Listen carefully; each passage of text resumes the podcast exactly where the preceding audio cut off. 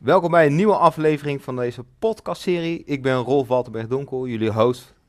Ehm, vandaag hebben we weer twee nieuwe gasten. Maar voordat we daarmee beginnen, vergeet niet even te abonneren op onze podcast. Eh, laat een duimpje achter, ons waarderen ons met sterretjes.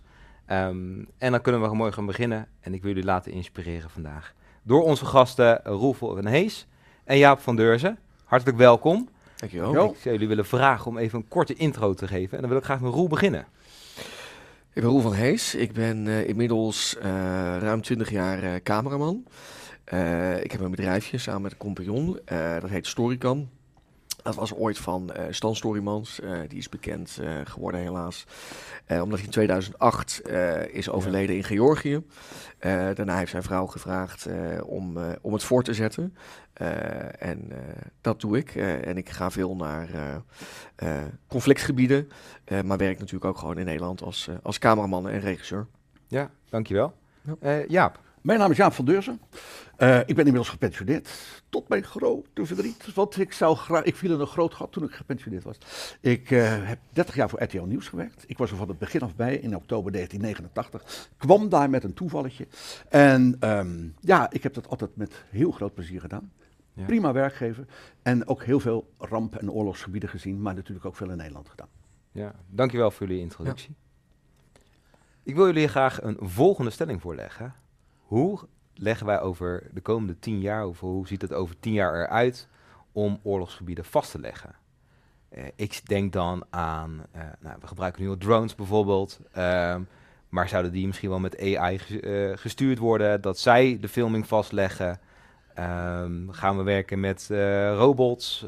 Hoe- social media, hoe kijken jullie naar het vastleggen van oorlogen de komende tien jaar?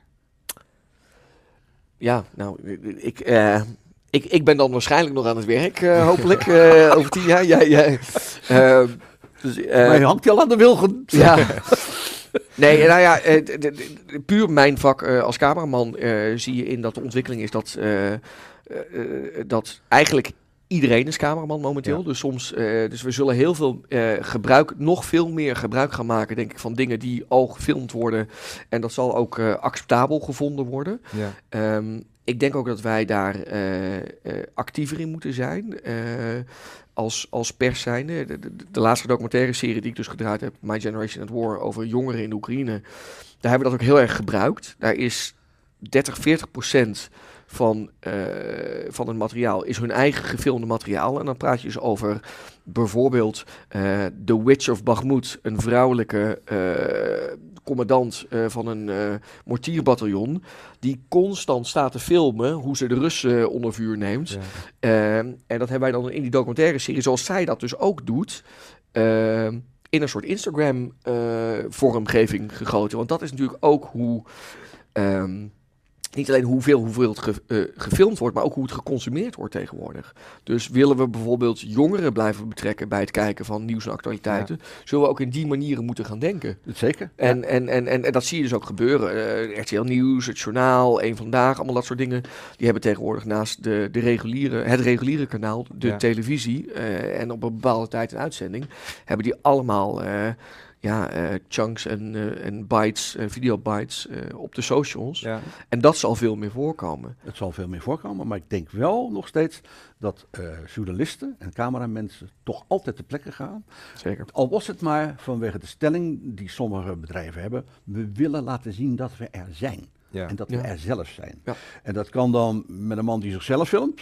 Dat, dat zou best kunnen. Ja. Ja. Eh, Want die apparatuur is ook steeds beter geworden. Ja. Eh, maar we zullen altijd ook willen interpreteren wat we zien. Ja. Ja. En we, we voegen met ons praatje ook een verhaal toe. Want je kunt niet alles in 2,5 minuut kwijt. Hè. Er zit Nee. dan ook nog een gesprek voor, wat je ja, zonder beeld dan eventjes vertelt. Mhm. En het is, het is wel lichtjaren verschil met toen ik 30 jaar geleden begon. Want ik zat met een zak kwartjes in de auto en ik eh, had een piepetje. Zo'n, eh, eh, en dat ging dan af. Ja. En er stond een nummer, even de redactie bellen. En dan reed je naar een Shell-station. En dan hoopte je dat de telefoon het deed. En dan ging je even met die kwartjes ging je even staan bellen. En dan ging dat verdomde ding na een paar kilometer ging weer. En dan ging je naar het volgende tankstation. En omdat, je, omdat er weer iets, een nieuwe ontwikkeling in het nieuws was of iets dergelijks. Dat zijn lichtjaren verschil. De eerste telefoon die ik had, die was zo. Ja. in de auto. Zo'n bakkelieten kast, weet je. Die was Nou niet te tillen. Ik, ik weet dat, dat en, en, en dat ga je natuurlijk veel meer zien, denk ik. Ik denk dat je veel meer live, letterlijk eh oorlogsgebeurtenissen kunt Ja. gaan zien eh, in mainstream nieuws. Ik weet dat, nou dat is nu inmiddels, wat is dat, 2011, dat het, het, het, het Babla Ablazia heette dat volgens mij, het, eh, het, het, eh, het, het, het, het, het fort van eh, Gaddafi. En dat viel in Libië. En dat CNN met de eerste live packs noemen wij dat. Dus dat is dan een rugzak waar eh, eh, tien telefoonkaarten in zitten. En die kunnen dan gebundeld Ja. kunnen die een livestream wegsturen. En dat dus de reporter meeliep van oké, de, eh, de, de, de muur is nu gevallen en we lopen nu het Babla binnen. Gehoord. En, Ja. en ik weet dat ik daar, ik was daar ook. En ik was daar aan het filmen. En ik weet wel dat ik dacht van, oh, die jongens van CNN, huh? Staan die nou live te gaan? Want ik moet het nog monteren en ik moet Ja. het vanavond gaan opsturen. En, eh, en inmiddels zie je dat... Boterham. Ja, ja.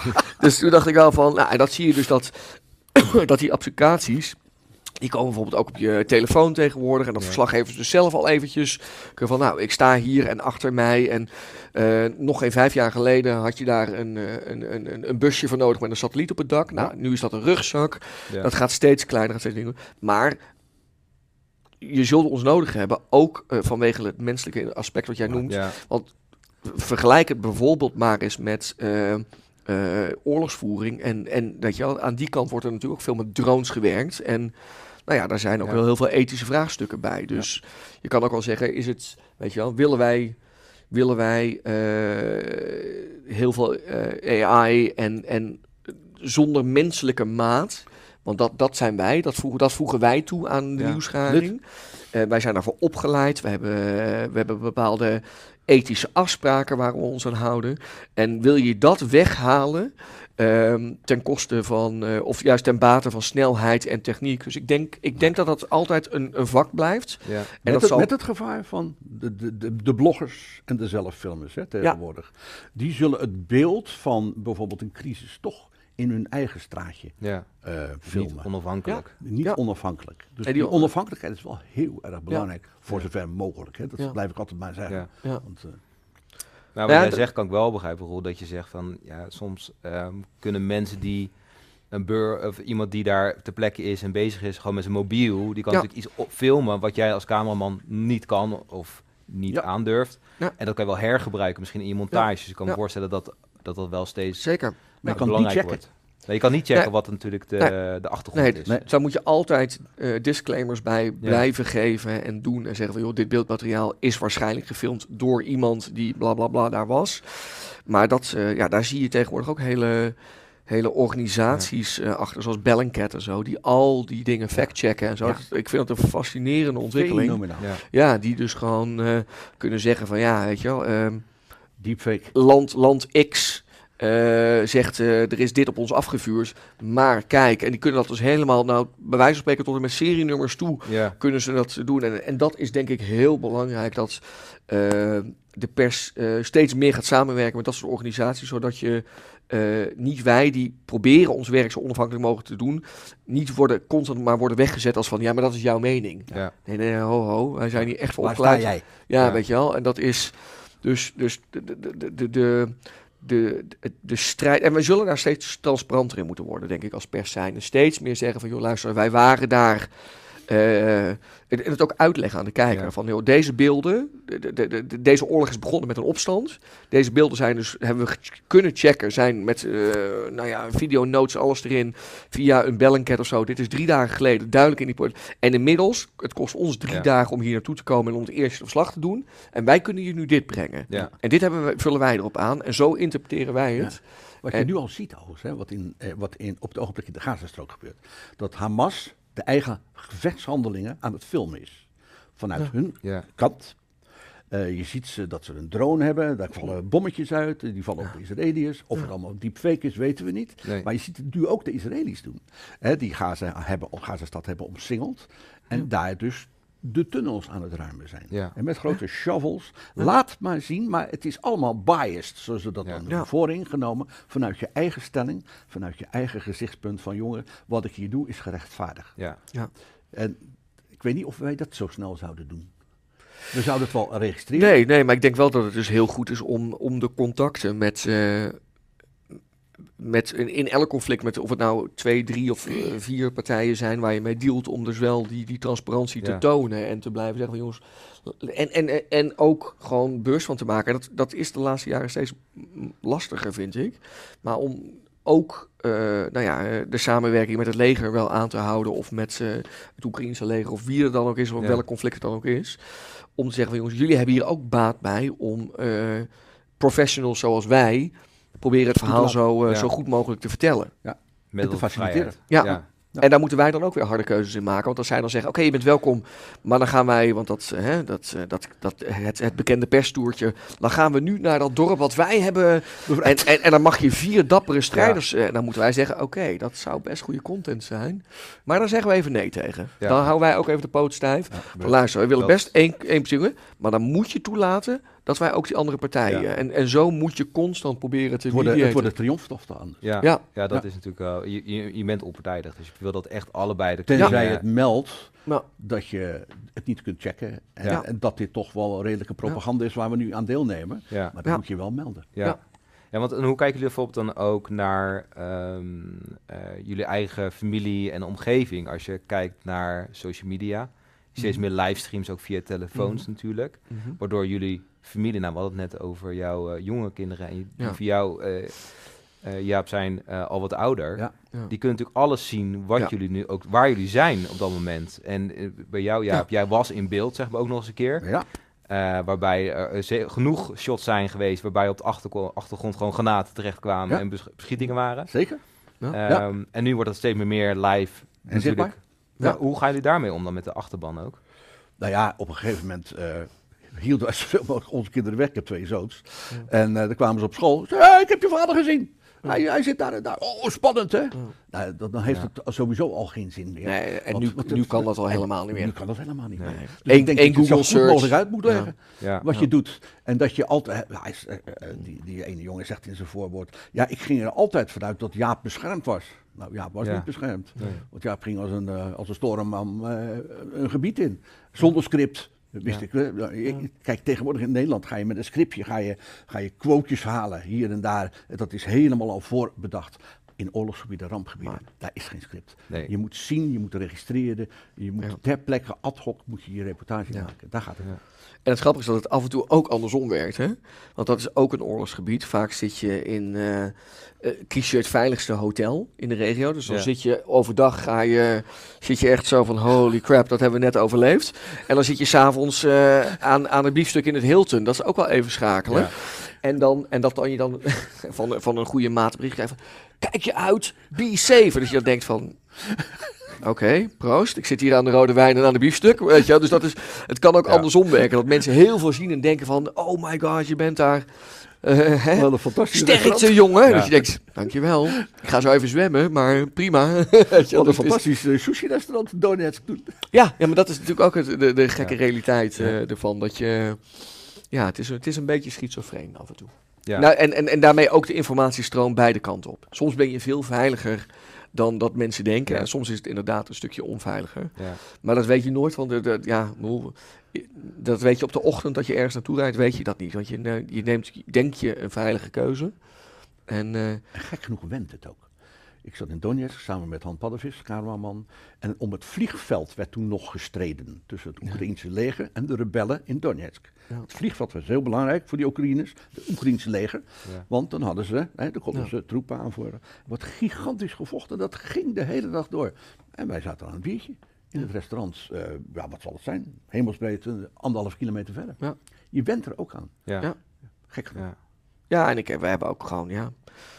Je bent ook wel, eens- ik, ik, ik ben eh, met Rudy Bauma van, van Nieuwsuur toen een keer echt gewoon van, oké, weet je wat, heel erg goed in overleg met de redactie. Want we gaan nu even niet naar de frontlinie, daar is het echt gevaarlijk. Toen hadden we gezegd, oké, nou, we kunnen, we mogen mee naar een, eh, een, een, een dorpje dat een half jaar onder vuur heeft gelegen. En eh, daar kunnen we dan, hè, daar, zijn nog, daar, daar blijken nog eh, inwoners eh, die onder de grond leven Ja. in Oekraïne over te zijn. En die gaan we dan als eerste interviewen. Want dat is veilig. Nou ja, oké, prima. We rijden daarheen in, in een wit busje. En, en het is helemaal platgelegd, dat dorpje. Er staat echt bijna niks meer overeind. En ehm, ja, bleek achteraf dat wij een soort van target practice waren voor de, voor de, voor de Russen. Want, dat was gewoon. Eh, ik zeg de Russen ik weet, nou ja, wie er ook op ons schoot. Maar eh, nee, daar reed gewoon een wit busje met zwarte letters pers door het landschap heen. En dat was gewoon eh, een soort van, dus we hebben, er- daar hebben we twee uur in de greppel gelegen. En toen konden we weer terug. Dus dan denk je dat je de veilige Ja. keuze maakt, maar maak je, ja. En dat zal blijven, even terugkomend op het thema, hoe ziet de oorlog, de verslaggever van oorlog Ja. er over tien jaar uit? Dan hebben we wel al die, die middelen waar we extra mee filmen. Ik denk ook wel zeker drones. Eh, Hmm. Want ja, Gebruik ik nu al veel. die, die Ja. worden Ja. kleiner, die Ja. worden kleiner, handsamers worden steeds beter. Ja. Die zullen wel ingezet worden. En dat is wel ook wel een aanvulling voor het Ja. verslaggeversvak. Vind je niet? Dat is overigens wel het eerste wat, eh, merk ik wel, wat in, eh, in, eh, de, de, in de twee oorlogen waar we nu veel naartoe gaan, is het eerste wat gezegd, als je dat bij je hebt, kom je het land niet in. Dus ze zijn er ook wel, het wordt Ja. in de warfare heel veel ingezet, Ja, ja. maar daardoor willen ze ze juist van ons er niet bij. Ja. Dus, eh, Maar ik Het- merk wel aan jullie dat het, het blijft duidelijk wel echt mensenwerk. Want met je fixer Ja. heb je menselijk contact en dat Ja. onderbuikgevoel is belangrijk. Het perspectief van hoe breng dit over naar mijn moeder, tante, Tuurlijk, familie. Hoe ervaren zij dat? En dat ook de komende tien jaar, ondanks de technologische ontwikkelingen die er zijn, dat daar vooral ook die menselijke maat in blijft zitten. En dat je dat. Laten we het hopen. Dat Wij werden altijd Ja. gezonden, tenminste ik werd altijd gezonden, om het menselijke verhaal achter de oorlog te maken. En om echte mensen te, eh, wat doet het met jou? Ja, Eh, dus de ogen en oren te zijn van de kijker thuis. Zo van, man, wat, wat, wat, hoe zou ik me voelen? ja. En ik maakte altijd dat soort verhalen over, eh, nou, ik kon dat goed. Ik kwam daar met mijn klompen binnen en ik kon, ik, ik, op de een of andere manier kon ik vertrouwen wekken bij mensen om iets tegen me te vertellen. ja. Dus eh, dat was mijn taak. Ja. En dat kun je niet met een robot. En dat kun je ook niet op afstand. En dat kan je ook niet via de telefoon. Ja. Daar moet je iemand van vlees en bloed voor je hebben. ja. En dan pas komt het verhaal tot leven, gek genoeg. ja. en dat, dat, dat, dat, dat houdt de, de kwaliteit van de nieuwsgaring ook hoog, zullen we maar zeggen. Dat is belangrijk. Alleen de techniek gaat wel helpen. ja. Al is het maar met het versturen naar. eh, vroeger moest je met de bandjes in je onderbroek eh, Oh de grens weer over. En nu kun je het gewoon eh, Maar- sturen maar dezelfde zo dag. groot, hè? ja. Ja. Met dat wil ik jullie heel erg bedanken voor deze aflevering weer en voor deze podcast. Ik vind het hele inspirerende verhalen. En het geeft goed inkijkje, denk ik, voor iedereen. Hoe het nou is als journalist en als cameraman om in zo'n gebied te werken. Dus ik wil jullie heel erg bedanken. Graag gedaan.